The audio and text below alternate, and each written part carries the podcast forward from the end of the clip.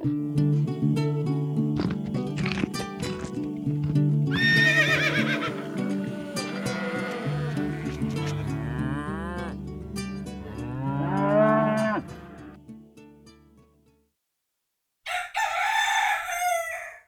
hei. Hallo. God morgen. Nye eh, uke, ny søndag, ny pod. Ny, ny mandag, må vi si. For det er jo ja, ja. da den kommer ut. Det hørtes det ut som må- jeg er lei. Eh, er det bare fordi jeg er litt trøtt i trynet? Eh, hei, dere. Dette er koselig. Sånn podkast uh, Man må jo late som om man snakker til lytterne når de hører episoden. Men Det er bare juks og fanteri, egentlig. Ja, men, men, men den blir jo liggende der, så hører de på det på et vilkårlig tidspunkt. Fra Ja. det tidspunktet vi legger den ut. Ja. Så det er ikke sikkert det er mandag engang. Men det er ganske mange som hører på den Skal vi lage på sånn mandag. Jo, jo. Hei dere på mandagen. Uh, hei dere på tirsdagen òg. God dag. Og dere som hører på på onsdag, Ja. velkommen. Skal jeg fortsette? Men Poenget er at uh, det er i hvert fall ikke søndag i dag. Jo, det er det. det ble plutselig veldig eksistensielt. OK. Um, du har et jordbær, Ja! Skal og jeg har et jordbær. skal vi spise? Dette er de to modne jordbærene vi fant i dag. Mm. Nesten modne, i hvert fall. Ok. De ser uh, um, Da jeg bestilte jordbærfrø, så tenkte jeg at nå bestiller jeg vanlige jordbær. Men disse her ser uh, ganske rare ut. De er maltrakterte. Um, de, nei, de er for, for, forvokste markjordbær. Ja, de er rett og slett forvokste markjordbær. Men, men forminska sånne vanlige jordbær. Altså, de er ganske små. Ok, skal vi smake? Vi får prøve.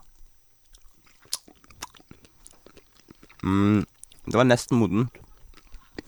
Mm, De smaker òg markjordbær, syns jeg. Mm. I hvert fall mer markjordbær enn vanlige jordbær. Hvis vi hadde hatt tålmodighet og venta en dag eller to til, så hadde det vært modent. Men da kunne ikke dere eh, der ute fått gleden av å høre på meg smatte.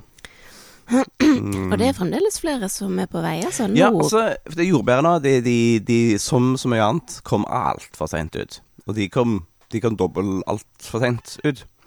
Så vi har, eh, har en del jordbærplanter eh, nede i urtebedet.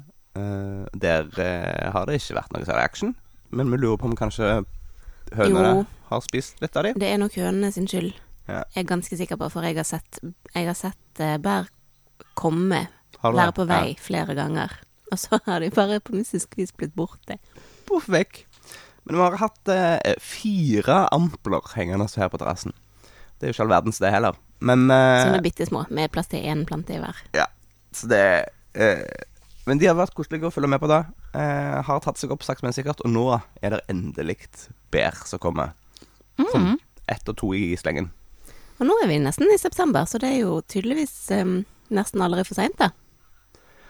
Litt avhengig av hva du vil få ut av de da. For jeg mistenker jo at eh, en del av de kartene vi ser her, og en del av de blomstene som kommer nå, ikke kommer til å bli noe særlig å snakke om. Ja, nei, det er nok sant.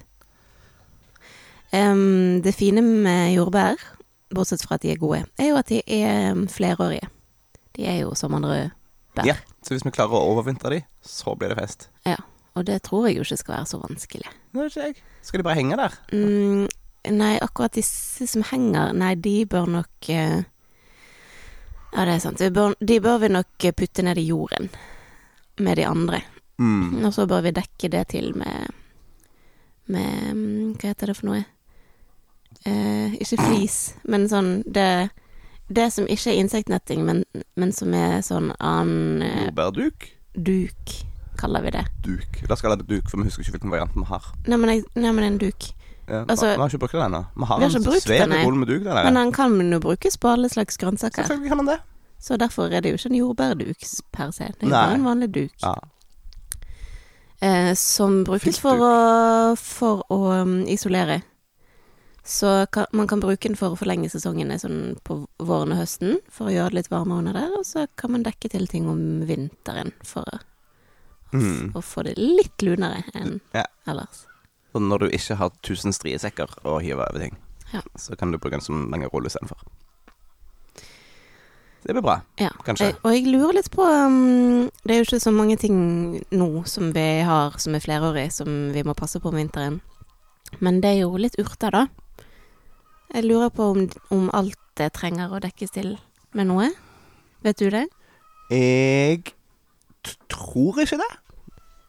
Jeg, eh, men øh, Det hadde jo vært dumt hvis jeg frøs. Men du, jeg har noen Jeg har en øh, Jeg har lånt en sånn old school urtebok fra Ja. 80-tallet. Ja. Som um, det står alt, alt man trenger å vite i. Så vi kan kikke litt i den. Ja, la oss gjøre det. det altså, for eksempel da, eh, timian vet jeg er jo kjemperobuste greier. Kryper rundt og gjør greiene sine, liksom. Blir, blir svære. Ja, men jeg vet ikke heller om de tåler sånn minus 20 grader om vinteren. Altså. Jeg har hatt det på Østlandet. Uten problemer. I bed, liksom. Ok. Drev ikke og dekka til ting der. Um, men nei, det er jo et spørsmål om hvor mye snø og sånt, da. Snøen isolerer jo fint. Mm. Hvis, Ja. hvis vi Så det er vel barfrost, verst hvis det er barfrost. Ja. Mm. Jeg syns det er veldig rart å, å um, tro på at snøen isolerer. For den er jo så kald. Det er veldig kontraintuitivt. Ja, men Ja. Um, Men eh, det, det funker veldig bra. sant, ja. Veldig bra. Mm. Ok. Ehm, det er ikke så mange Det er ikke så mye kykeliky her lenger i dag, sjøl om Nei. vi sitter ute. Jeg var ute så, og åpna opp eh, døra for dem. Det var veldig rolig der inne. Det, det var turbo. Uh, han, har litt mer skingrende stemme enn uh, en, uh, Gudbrand. Gudbrand. Mm. Um, fremdeles litt ung. Ja. ja, og det stemmer. Det var ja, Der har du sjefen sjøl. Mm. Eh, vi har bare to haner nå. Ja, vi har vel det. Vi Eh, slaktet en del i går. Det vil si du slaktet en del, og Ja. gjorde egentlig nesten hele den jobben sjøl. Ja. Men det har vært så mye leven, og eh, de De driver og konkurrerer så himla mye med hverandre om disse damene. Ja, og det går jo litt røft utover damene òg. Ja. Det har vært litt eh, Texas eh, Heldigvis da så har de jo masse plass, sånn at det er ikke Det, det er jo men, eh, Alle har muligheten til å stikke av hvis de har behov for det. Sånn at eh, det har gått ganske greit, men det har bare vært veldig mye lyd. Mm. Eh, og så litt urolig, da. Eh, det var veldig tydelig når jeg gikk inn i dag og åpna opp, hvor mye roligere det var inne hos hønene. Ja. Det Istedenfor at det var liksom ja, li- litt sånn jogging her og der, og så satt de der og så på meg. Hallo, skal vi ut nå? Kult. Mm. Ja, jeg tror det må være veldig mye bedre for de som er igjen nå. Mm. Men um, eh, hvor mange haner ble slaktet? Seks. Ja. Og hva gjør du da når du slakter de? Hvordan går du frem? Nei, det er jo litt sånn forterende, for først må du jo fange de. Så jeg har en sånn svær fiskehov som jeg har satt på en ekstra lang stang. Eh, Men eh, de bor jo et sted som er veldig koselig, eh, inni et gammelt båsfjøs. Um, Men ikke så rasjonelt når du skal fange noen. nei, Det for er det er, mange kriker og det er mye kriger og kroker og båser og stolper og greier, så det å liksom svinge rundt med denne eh, hoven er ikke så enkelt. Pluss at de har jo himla mange steder de kan gjemme seg. Så um, det tok litt tid. Men eh, nei, så da, da er det å gå inn og så hente hannen som skal få lov til å gå. Eh, fange den med hoven. Så få den ut av hoven, og da eh, fanger jeg liksom beina. Og så lar den henge etter beina, for da, da roer de seg. Mm.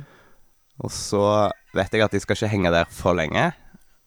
Så det er liksom ikke å gå tur med, med hanen hengende som en eh, pose, liksom. Så da hvis jeg skal, hvis jeg, hvis, hvis jeg skal gå eksempel der til drivhuset og si jeg Mari, jeg er litt usikker på om jeg tar rett haner. Jeg er så redd for å ta feil hane. Eh, for det er litt, litt ubehagelig. Mm. Um, da handler det om å liksom holde beina sånn at han ikke stikker av. Men ta, så liksom brette han opp, og så ha han liggende i armkroken. Som om du gikk på med en katt. Liksom. Men iallfall. Det var fanginga. Og så så ehm, er det rundt hjørnet Der har jeg en hoggestabbe. Eh, som jeg har festa ei lita løkke av en snor i. Um, så det første du må gjøre, er å bedøve den. Det um, gjør du med et et slag til hodet. Når du gjør det i sånn en liten skala. I Mm. sånn stor skala så driver de med strøm, eh, strømbad. Zapp. Ehm, men eh, et eh, godt kakk til bakhodet, sånn at du ser at han faktisk er bedøva. Og da, det registrerer du med liksom lyd og bevegelse og, og øyeflimring. Mm. Ehm, det er ikke alltid du treffer skikkelig, så må du slå to ganger. da. Mm. Så akkurat der er det, det er liksom det viktigste punktet, egentlig. Å være fokusert og være effektive. For det er ikke så godt å få et hardt slag i bakhodet hvis du måtte, er vågen til å registrere det. Ja. Så der er det om å gjøre å kakke til det sitter. Og altså, de kunne sikkert klart å kakke det så hardt at, det, at de daua, men uh, eh, vi er lovpålagt i all avliving i Norge, så vidt jeg vet, å fjerne hodet fra kroppen. Mm. Eh, fordi det er så mange tilstander Jeg vil tro det handler om det, at det er så mange tilstander som ligner på død, som ikke nødvendigvis er det. Mm. Eh, så det er unødvendig mye lidelse knytta til andre måter å gjøre det på. Um, ja, for så vidt er jeg litt usikker på For det, altså hmm. Det er jo det å blø ut som er måte, hovedpoenget. Ja. Eh, så Ja. Nå merker jeg at det var litt for bastante på, på generelt grunnlag. Jeg vet at På hønene så skal vi fjerne, fjerne hodet. Mm. Men jeg tror ikke du f.eks. må gjøre det på sau. Selv om det er måten jeg har lært å gjøre det på. Ja. Eh, men der bedøver du òg med, med denne boltepistolen. Og så tar du og skjærer over eh, halsen, sånn at de blør ut. Ja. Men du trenger ikke nødvendigvis å fjerne hodet fra kroppen. OK, så nå har vi kommet til bedøvelsen. Du har en sl relativt slapp hane i, ø, ø, hengende etter beina i ene hånda. Og så kommer denne løkka på hoggestabelen inn i bildet. For da, eh, for å gjøre det litt lettere å treffe, rett og slett, så trer jeg på en måte hodet inn i den løkka, sånn at jeg kan strekke den ut, sånn at halsen ligger over hoggestabelen. Mm. Så det er løkka som holder på fast på enden av hoggestabelen. Så er det øksa, da. Kakk. Eh, og da lærte jeg et triks. Og det er å stappe den der skrotten så fort som mulig oppi ei bøtte. Ja. Fordi da kommer alle disse krampene. Um, ja, hvorfor skal du bedøve? Fordi det finnes sterke indisier på at eh, et hode som er skilt fra kroppen, kan ha eh, bevissthet opp til et halvt minutt. Dette er en veldig Dette ble en veldig makaber eh, eh, samtale. Ja. Men Det tar eh, seg opp. Men poenget er i alle fall at for, for dyrevelferdens skyld så skal du sørge for at de ikke kan oppleve å miste kroppen sin. Ja, det Fy søren, det må være forferdelig. Ja. Åh. ja. Så i alle fall, oppi bøtta så spreller det rundt, og så forblører seg det verste. Og, og det er jo når de, når de krampene er ferdige, så er det ikke mye, mye saft igjen i den kroppen. Eh, men da henger de bare opp sånn enn så lenge, sånn at de samler deg opp. Mm. Eh, så går jeg og henter neste hane. Eh, og så er det jo plukking, eller eh, Altså ribbing, eller eh, em, Flåing. flåing, avhengig av hva du foretrekker. Flåing er den kjappeste varianten, men da tar du òg vekk eh, huden og det fettlaget som ligger helt ytterst. Så hvis du har lyst på sånn crispy stekt eh, Ja, hvis du har lyst på en helstekt hane på nyttårsaften, mm, eller noe Hvis du har lyst til å helsteke eller grille den, så er jo det stasest med Ja. skinnet på. Og da handler det jo om den klassiske duppen i varmt vann. Og da eh, skal du duppe den lenge nok til at eh, fjøra løsner, men ikke så lenge at den begynner å bli varmebehandla. Mm. Så jeg vet ikke jeg om det er 20 sekunder første gangen eller sånt. Så da er, det, da er det liksom disse proteinene som sitter Proteiner? Jo, jeg tror det er proteiner. Som sitter eh, i eh, Nede nedi huden som løsner litt. Grann. Mm. Så er det lettest å bare dra av alle fjøret. Og hvis det ikke er lett, så, så dypper man litt til. Ja. Um, vi flådde jo Vi flådde i går, Mm.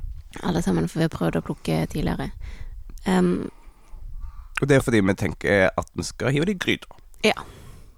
Uh, og erfaring tilsier at det størrelsen vi har på dyret våre, eh, rettferdiggjør liksom ikke å skjære av fileter Nei, og lite lår og sånt. Det er en slank rase, dette det her. ble mye, ble mye god kraft, det. Over strålende kraft. Og, og eh, når vi koker det, sånn at alt kjøttet løsner, Ja. så er det, jo, er det jo mat på dem. Ja. Så jeg veide, veide det største, tror jeg, i går, og veide halvannen kilo. Ja. Um, altså ferdig, ferdig prosessert. Uh, fordi det er jo litt uh, innmat som skal ut. Ferdig prosessert, ja. Ja, mm. ja, da er det jo litt. Og så kunne vi jo sikkert ha liksom optimalisert. Ja. Hvis vi skulle ha drevet med kjøttproduksjon, Mm. så kan jo fuglene De kan jo bli større med, med litt eh, mer fôring og Intens mer fôring. Ja. Ja, kanskje. Men um, det er jo ikke sånn Mer fôring og mindre stå stille, liksom. Mer Ja. stille. Det er ikke gøy. Nei. Det er ikke sånn de skal leve. Nei. Så hvis vi skulle ha drevet med kjøttproduksjon, så skal, skulle vi hatt andre raser. Rett og slett. Men um, det skal vi ikke, så det er jo greit nok. Eh, Eh, Ja, det- altså aldri si aldri. Ja, aldri, aldri. Men eh, jeg tror det er andre ting som står foran på prioriteringslista. Mm. Etter du har tatt av fjøra og hunden, så skal Ja. du jo fjerne innvollene. Ja. Eh, og da er jo alle oss dyr, nesten, er jo en slags eh, rumpe med kropp rundt. Hvordan er det? Ter termer med Altså Poenget er jo at, at det er sammenhengende system fra der maten går inn, til der maten går ut. Mm. Eh, og hos uh, hønene så er det veldig enkelt, for der, der har de jo bare én plass ting går ut. Mm. Eh, og det hos, eh, hos eh, hønene så gjelder jo det det med eggene. Men altså urin og avføring og egg Kommer alle ut på akkurat samme kommer plass? alle ut på samme stedet. Um, og uh, der går jo også sæden fra hanene si- inn. Ja, ikke sant. Men det vil jo ikke si at eggene til hønen eh, svømmer rundt inne i tarmene. Nei, nei, fordi de har inne så har de forgreininger. Ja. Men uh, i praksis, da, når du har kappa av hodet, uh, så, så trenger du bare løsne i toppen. Og men det løsna eh, luft og spiserør fra, fra eh, halsen, liksom. Mm. Og så trenger du å skjære rundt og løsne anus, eller kloakken, som det heter, hos eh, hønene. Og så kan du ta en hånd inn, og så liksom bare løsne liksom litt rundt veggene. Det fordrer selvfølgelig at dyret er stort nok til at du klarer å få inn den hånda. Ja. Eh, og så kan du bare si flupp, og så ligger alt på fjøla. Ja. Eh, og så har du ferdige skrått. Det er jo ganske kult eh, når man får det til. Ja. Og så er det litt, er litt vanskelig, for de har liksom eh, Hanene har jo disse testiklene som ligger der litt, sånn, litt inntil oppi der. Så Mm. det er litt vanskelig å få fatt på de når det er så mye han greier inni, og eh, lever og er fort gjort og herjer med, og ja. Ja. Så det, det, er ikke, det er ikke fullt så enkelt. Men, eh, men ja. I teorien, da. Og da er det jo spesielt nøye, eller spesielt viktig å, å prøve å passe på at um, at det ikke kommer bæsj på kjøttet, egentlig, rett og slett. Ja, og det er At lettere sagt innholdet i enn tarmene ikke kontaminerer resten av fuglen. Ja, og der ser du jo da stor forskjell på de som har gjort det mye, og sånne som meg, som har gjort det bitte litt. Uh, for det er vanskelig. Mm. Jeg trøster meg jo med at det skal rett i fryseren, og at det skal i gryta og koke etterpå. Mm. Eh, sånn at eh, forholdene etter hvert for disse bakteriene er jo veldig dårlige. Ja, og så rengjør du Ja, men det, det, det har jeg lært på det kurset jeg tok, at eh, kylling av kylling skal du gjøre minst mulig av. Mm. Um, det er jo fordi eh, bakterier trives bedre i vått miljø enn i tørt miljø. Så skal jeg heller på en måte gjøre, litt ekstra innsats for å unngå å kontaminere kjøttet, Mm. enn å måtte skylle det etterpå. Ja, men igjen det, øye- for øyeblikket du skyller det, så kommer det en dråpe Kommer det en eller annen dråpe en eller annen plass, og så får med seg noen bakterier og spretter bort der, og så henger seg der, og så, så har de en fin plass å bo. Ja, men det er jo også veldig mye viktigere å tenke på når du prosesserer kjøtt som skal legges i sånne plastikkbeholdere og ligge i en butikk eh, i mange dager. Ja, ja, ja, du Sånn at hvis, hvis du legger de rett i fryseren, som sagt, så stopper jo den prosessen opp. Ja, direkte. Det, ja, ja, så jeg er ikke, ikke redd for vår del. Men sånn på proffnivå så, Mm. så, så må jeg øve litt. Ja. Ja, nei, det er jo helt andre forhold når man skal sørge for at eh, ja, at kjøttet rett og slett skal kunne ligge Jeg vet ikke hvor lenge Hvor lang Det må jo være i hvert fall et par uker. Jeg er litt usikker. Men det er jo eh, også sånn lettfordauelige midler, sånn som kjøtt, for eksempel. Er det jo veldig strenge krav til oppbevaring og Altså både under lager og transport. Ja.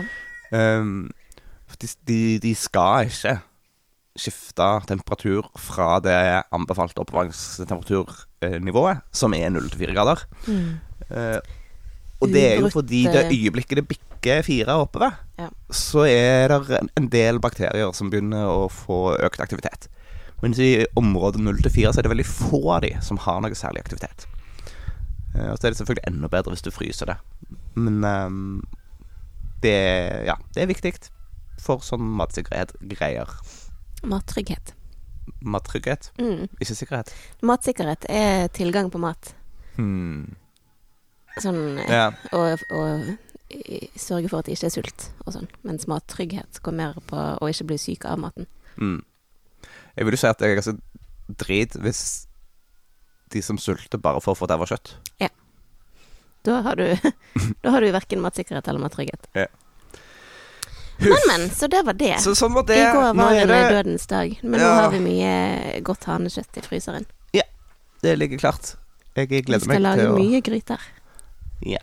Og det er jo veldig, veldig, veldig fint å tenke på. vi har et par skotter fra før av et år, vet du, som skal uh, litt kraft på og sånt. Men vi bør egentlig begynne å håndtere litt. Har vi et par skotter fra før? Ja Det var Jeg tror vi tok vare på ehm, For det var en runde hvor vi prøvde å skjære av fileter og, og sånne ting. Så da har vi et skrog.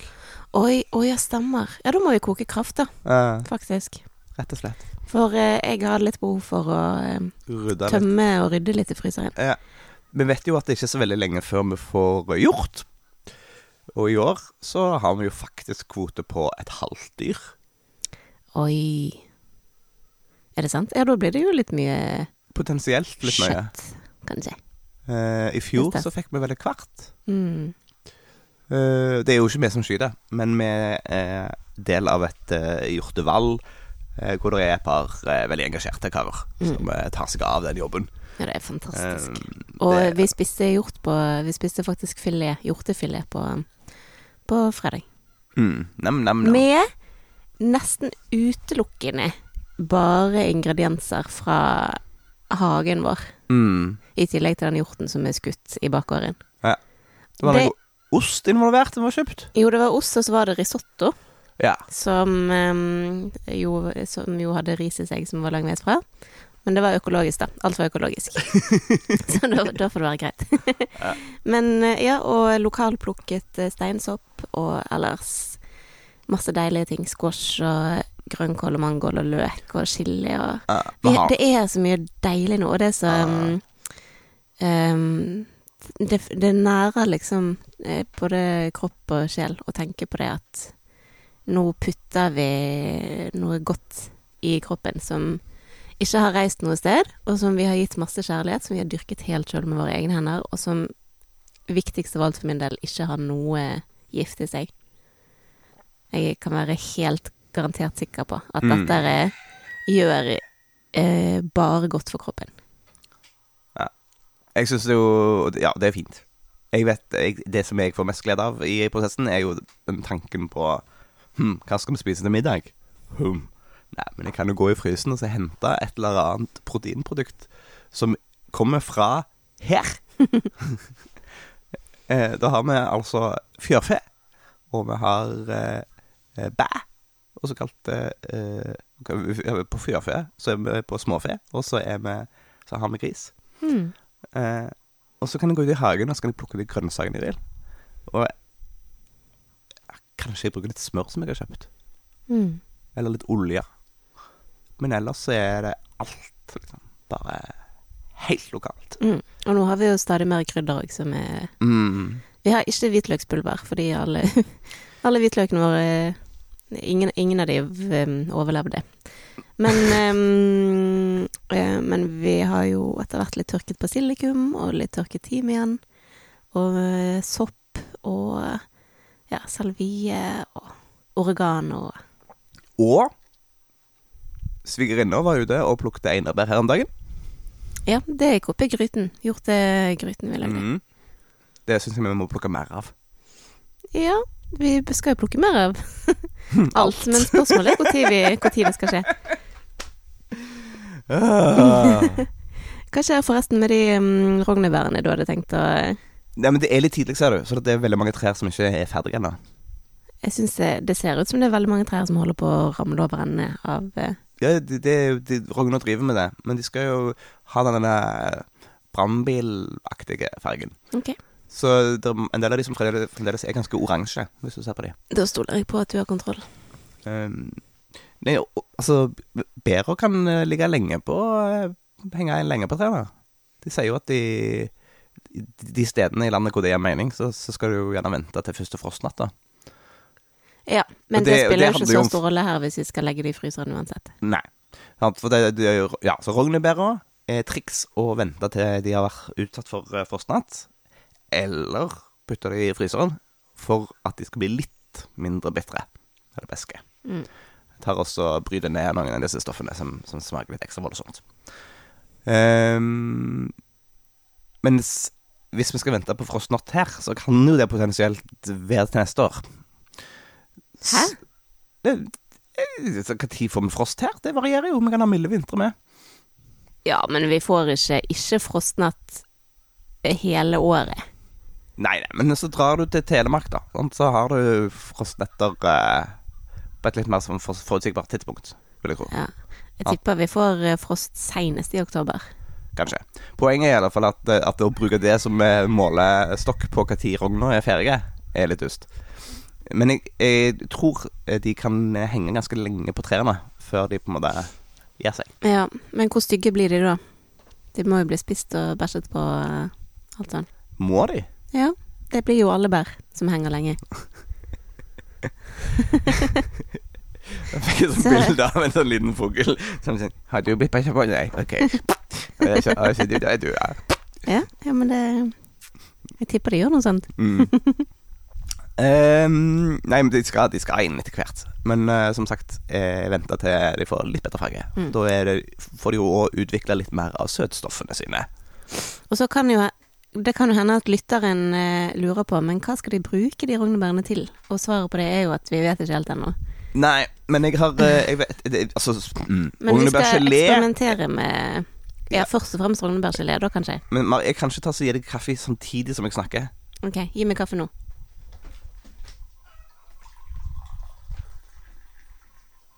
Sånn, nå er jeg tilbake. Eh, Men Kjerstin, du må komme og hente den. Kom, kom med se. Vi har eh, husnisse om dagen. Ja. Eh, hun sitter og hører på oss pludre mens hun strikker. Og drikker kaffe. Ja, nå stjal hun. Jeg er litt usikker på om dette var greit, for nå stakk hun av med kaffe i kanna. Hun kommer nok tilbake med Kjerstin begynte å grave um, nytt bed i går. Um, og det er jo et eh, ganske stort prosjekt Eller det kommer til å bli det når alle de bedene er ferdig, for det er snakk om de tre eller fire terrassene som vi skal um, Som vi skal lage nedover den bratteste skråningen i kjøkkenhagen vår. Eh, Det er jo et ganske stort område, egentlig. Og det er en av flere ting som som i hvert fall jeg har forestilt meg at eh, skal på plass før vinteren. Og jeg eh, merker jo det at nå når vi allerede straks er i september, så, så går jo tiden like fort som den har gjort resten av året. Det er crazy. det er Det er ikke noe tidspunkt hvor det begynner å gå sakte. Det, det, Jo, jo, midt på vinteren går det Hele sakte. tida. midt på vinteren går det veldig sakte. Mm, og jeg gleder meg. Jeg eh, gruer meg.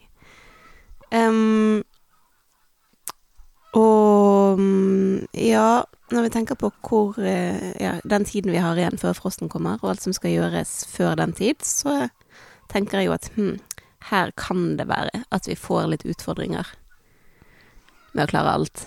Ja, altså Jeg er jo veldig for denne dugnaden, da. Ja, for det er jo poenget. Altså, Vi, vi har hele tida litt for store ambisjoner til at vi har sjanse til å fikse det sjøl. Så vi trenger egentlig hjelp hele tida. Mm. Og dugnad skal vi jo ha. Ja. Men til og med med en dugnad så kan jeg nok tenke meg at det kan oppstå eh, situasjoner hvor vi faktisk må velge hva som er viktigst. Mm, Nå har du begynt å um, steinlegge kanalen. ja, det er viktig. Det er, ja, og det er jo gøy at det går framover, for den har ligget og ventet i noen måneder nå, egentlig. Det er et veldig bra tidspunkt å gjøre det nå. Nå, har det, nå er det så tørt. Så Ja. det er så enkelt å jobbe med. Um, det øyeblikket det blir mer vann, så blir det både litt høyere vann i og sterkere vannføring, men òg eh, mer soggy, alt det jeg håndterer nede der. Mm. Så, så det, det er ingen tvil om at det er bra tidspunkt nå. Eh, og så er jo spørsmålet hvor mye rekker jeg å steinlegge før regnet begynner. Ja. ja, for dette er eh, nå eh, i slutten av august, så er det akkurat samme vær som det var i fjor, husker jeg. Vi flyttet inn 16. august, og så var det en periode etter det med eh, deilig sånn seinsommer, sånn som det er nå. Og så eh, Og så begynte det å regne. og da regnet det konstant eh, til snøen kom. Ja, sånn cirka. Så. Ja. det er nok veldig riktig tidspunkt å prioritere den grøftingen på nå. Og alt, alt sånt jordarbeid òg, hvis vi skal klargjøre flere bed, eh, blir jo tyngre når det regner. Mm. Men um, ja, i tillegg til å steinlegge hovedkanalen, så skal vi grave noen flere stikkrøfter. Yeah. Eh, under der som vi skal lage et nytt bed. Mm. som planen er at skal anlegges eh, og bearbeides og legges kompost på og lages eh, senger av. Sånn at det bare ligger klar til å plantes i til våren. Ja, Og jeg tenker at det, det, det bedet og utvidelse av åkeren oppe i skråningen, Mm. det skal skje i høst. Ja. Terrassene oppe der kan være at vi skal vente med. Ja, det, Det, det er iallfall de som blir nedprioriterte, tenker jeg, hvis vi må. Selv om det hadde vært veldig fint å ha de på plass. mm. Um, Ja, det kan være at jeg er enig i den prioriteringen. Kan være, hører dere det? Det kan være. Med litt godvilje, potensielt, hvis sola står i sør og månen i vest. Ja, men noe må vi jo gjøre til våren òg. Eh, Ja, dyrke og drive istedenfor å stå og grave. ja, og gjøre ferdig de terrassene, da. Det hadde jo vært fint hvis det ikke var så mye å gjøre av det til våren. Ja, men da må vi gjøre det til høsten. Ja, det stemmer. Og eh, som du nettopp påpekte, så, eh, Så kan det være at vi må nedprioritere det. Ja. Men det er ikke, ikke fordi vi må jo ha noe å gjøre til våren nå. Det mangler ikke på ting å gjøre til våren. Nei. Vi skal jo òg legge det ene plantefeltet vi har hatt på nytt. Det vil si Belgia. Ja, Belgia eh, var for smale. Ja, bedene var for smale. Ja. Og det er for mye ugress òg. Sånn at eh, når vi røsker opp ting der, Mm. de siste plantene, så skal vi eh, tror jeg legge et sånn lag med papp der òg. Og legge litt mer kompost oppå. Ja. Og så neste år gjøre sånn eh, eh, stale seed bedding, skal vi ikke det? Ja. Prøve på med. Det kan vi prøve på, ja. Det er sånne funketriks. Hvor Selv om jeg tror at det ikke kommer så veldig mye Det kommer jo ikke noe særlig ugress opp da. Nei. Men vi kan jo få ta det, det som kommer. Ja. For det er da basically etter at du har hatt det dekka til en periode, så når du åpner opp, så før du på en måte planter ut eh, plugge, pluggene dine, eller sår i de tingene som du vil ha i, eventuelt hvis du har noe som eh, spirer sakte, så kan du gjøre det da.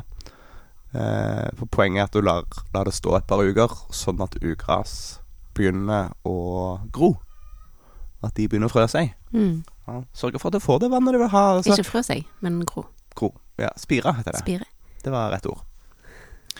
Eh, ja, så du, du, la, du legger forholdene til rette for at ugraset skal spire. Mm. For da har du kontroll på når det spirer. Og så går du over med flammekasteren og sier så dreper du, maltrakterer alt ugraset. Mm. Og så putter du ut i det du har lyst til sjøl. Ja. Og på den måten så eh, får du på en måte brukt opp denne frøbanken litt. Grann, da. Mm. Men du gjør òg eh, forberedelsene for utplanting, sånn at hvis du f.eks. skal så gulrøtter, da, så lager du stripene på forhånd. Eh, eller eh, radene, eller eh, ja, det Mm. som du trenger. Sånn at etter at du har flammet, så, eh, så skal det skje minst mulig bevegelse med jorden. For hver gang du rører ved jorden, så kommer det jo da nye ugressfrø opp til Ja. Opp. Og hvis du er flink å gjøre dette her over flere år Så vil det bli mindre og mindre ugressfrø i teorien i jorda. Men du har jo alltid det som er luftbåret. Så Ja. Og det flyr jo På et eller annet tidspunkt så er jo hele luften full av ugrasfrø som flyr. Sånn at um, man blir aldri kvitt det helt. Nei. Men, um, Men det mindre og mindre. Ja, det er en måte å, å eh, ha, ha litt mindre mas i løpet av eh, sommeren. Ja. Har jo vi brukt må hmm, egentlig overraskende lite tid på luking. Ja, du, ja.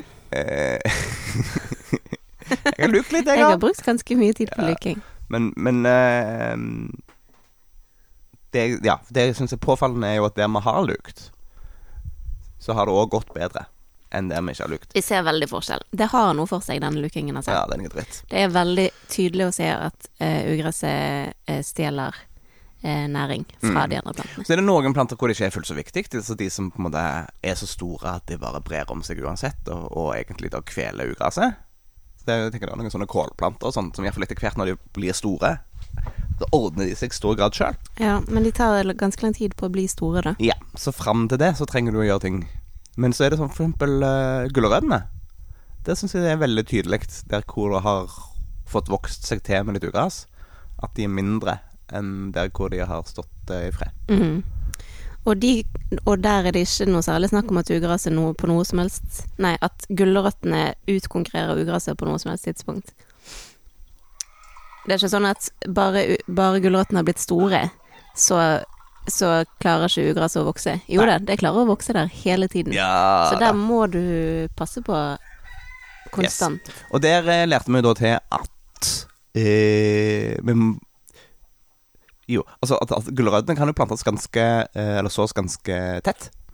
Sånn med tanke på gulrøttene, så lenge de har nok næring og alt det Mm. greiene der. Men når de står for Rabene står for tett. Altså sånn så, så hvert frø er veldig, veldig tett, tett, tett. Der tar vi jo tynne etter hvert. Mm. Eh, Men så er det liksom rader. Og hvis radene er for tette, så er det vanskeligere å håndtere ugraset. Mm. Eh, og akkurat på gulrøttene så er jo det typisk sånn hvor det er eh, Hvor vi må håndtere det, som du nettopp sa. Mm. De ordner ikke det sjøl etter hvert. Sånn at det å se på hva utstyr du har som du har tenkt å bruke til å håndtere ugras med, og se hvor stort det er, og så bruke det som basis for hvor du plasserer radene, Mm. tror jeg er himla nyttig. For det, vi hadde iallfall ett av de bedene hvor vi ikke kunne gå løs med sånne krafsegreier. Ja. Eh, for det, det var stort tett. Jeg er spent på hvordan det blir når vi nå skal legge om også de bedene fra å være lengderetning til bredderetning. Vi skal, vi skal Ja, basically jo- terrassere åkeren òg. Ja. For den er ganske bratt. Den ligger i en skråning. Um, og det Da tenker vi at eh, det kanskje vil være bedre at eh, bedene ligger i terrasser over hverandre. Ja, det, den fikk jo dobbel avrenning eh, når det var tørt. Mm. Altså både at hvert bed var bua. Eh, det det gjør jo at det kan fange sol og, og sånne ting, og at det ikke blir altfor vått for det vannet. For liksom. Men det hjelper jo ikke så himla mye når alt er så tørt at jordet jorda er så kompakte at det bare renner av. Mm. Så det rant liksom av bedet, og så i tillegg så rant det ned bakken. Så det var litt frustrerende å gå rundt der og vanne. Men um, hva skal vi gjøre med Når de, når de øhm, bedene der er tømt, og vi har gjort arbeidet med å legge om, vil si ganske seint på høsten, da. Mm. Øhm, hva skal vi gjøre for å bedre den jorden der? Nei, jeg, jeg tror Jeg har lurt litt på om vi skal ta og plukke litt tang og legge på. mm. Og så kan vi kanskje også Ja, det spørs hva som skal plantes der til neste år, da.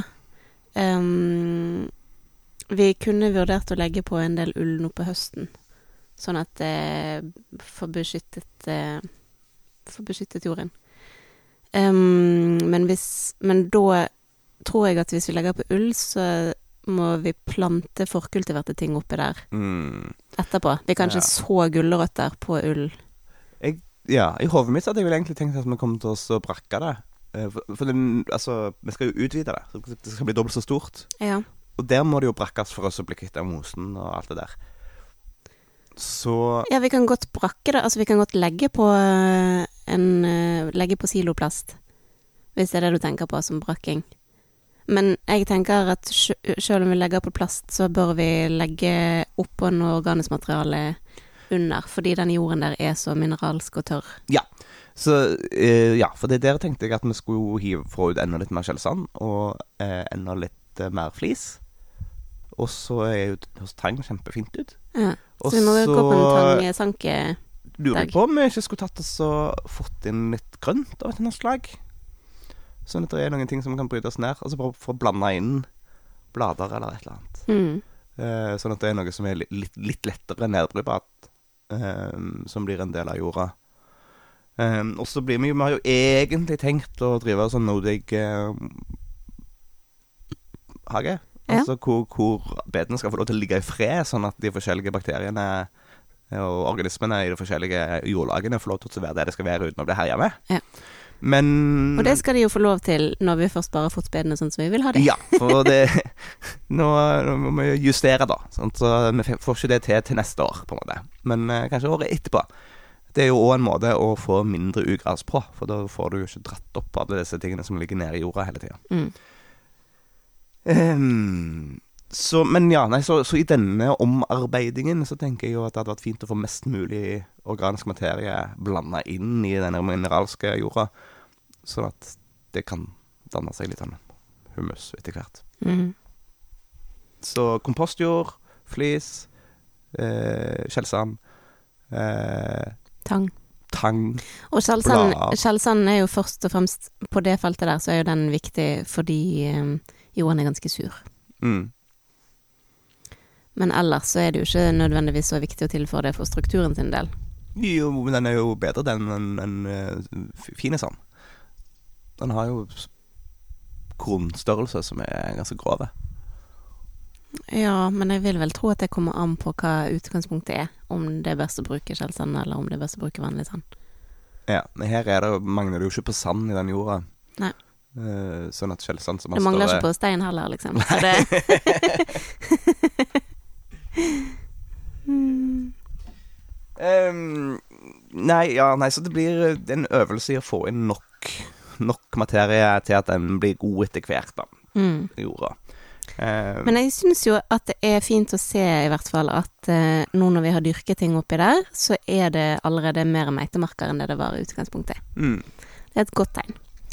det er det. Og så Og, og der kommer jo em, til eh, et av de prinsippene i regenerativt landbruk som handler om å eh, holde jorden dekket med voksende planter så mye som mulig, for jordlivet sin del. Mm, Og der eh, kan det jo være en liten sånn konflikt for kanskje spesielt grønnsaksstyrker, da, mellom å em, for eksempel ha grønngjødsel eller plantedekke på vinteren, eller å ha siloplass på.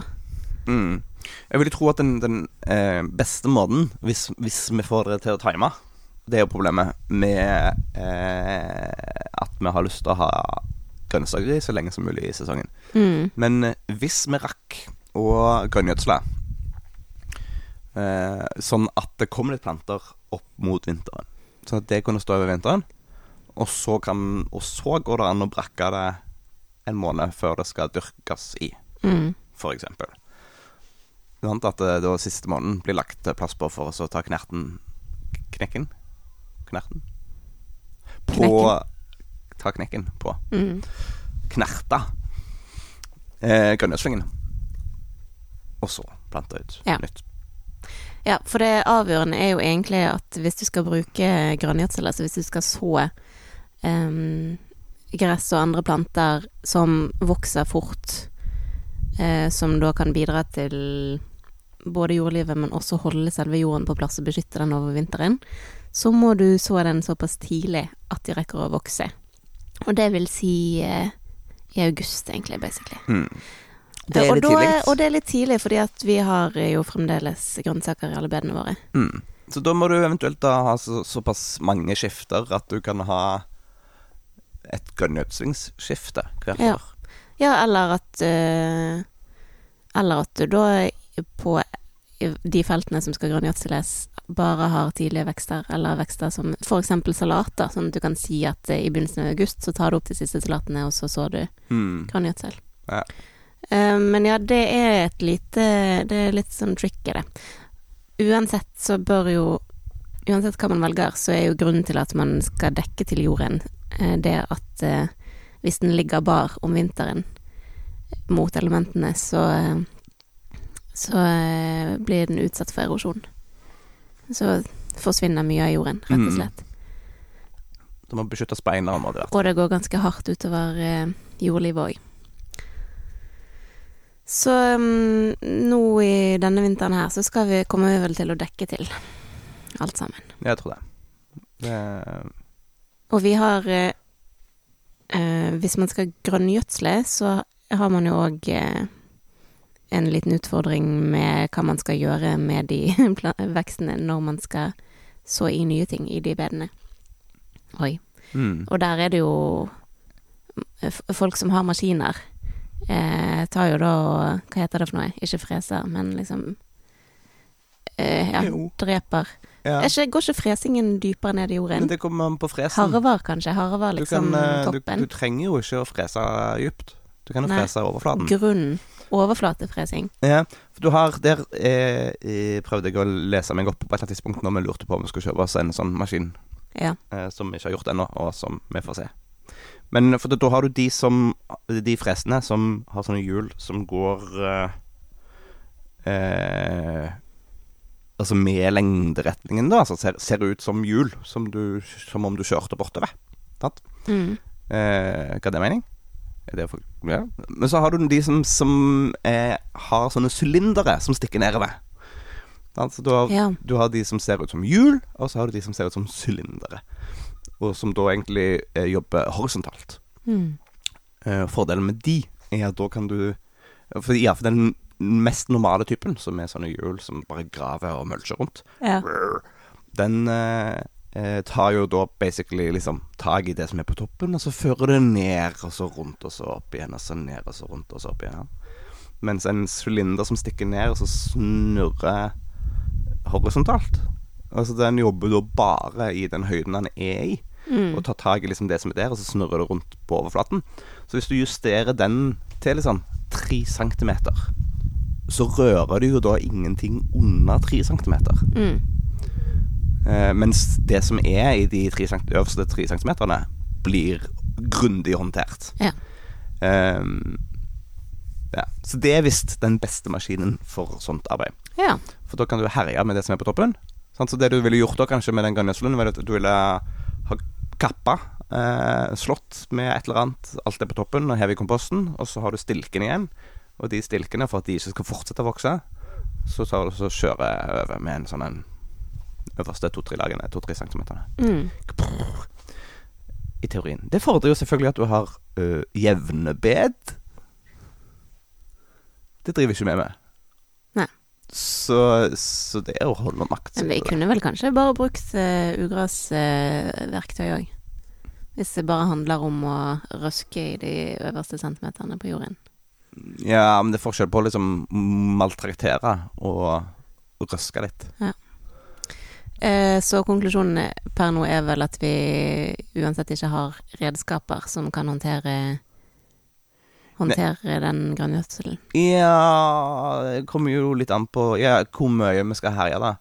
Ja. Vi, vi må jo herje nok til at de faktisk dør, sånn at vi kan plante nye ting der. Ja, men sant, altså Hvis vi eksempel gikk en runde og bare nappa alt, eller andre som bruker brukte river da til å få det løst, Ja. og så ligger det og tørker litt grann noen dager, og så etterpå så tar vi på en måte bare rive det nedi, eller hive på et nytt lag med kompost på toppen, eller noe Ja, ja, vi kan vel Så kanskje bare det flamme det òg.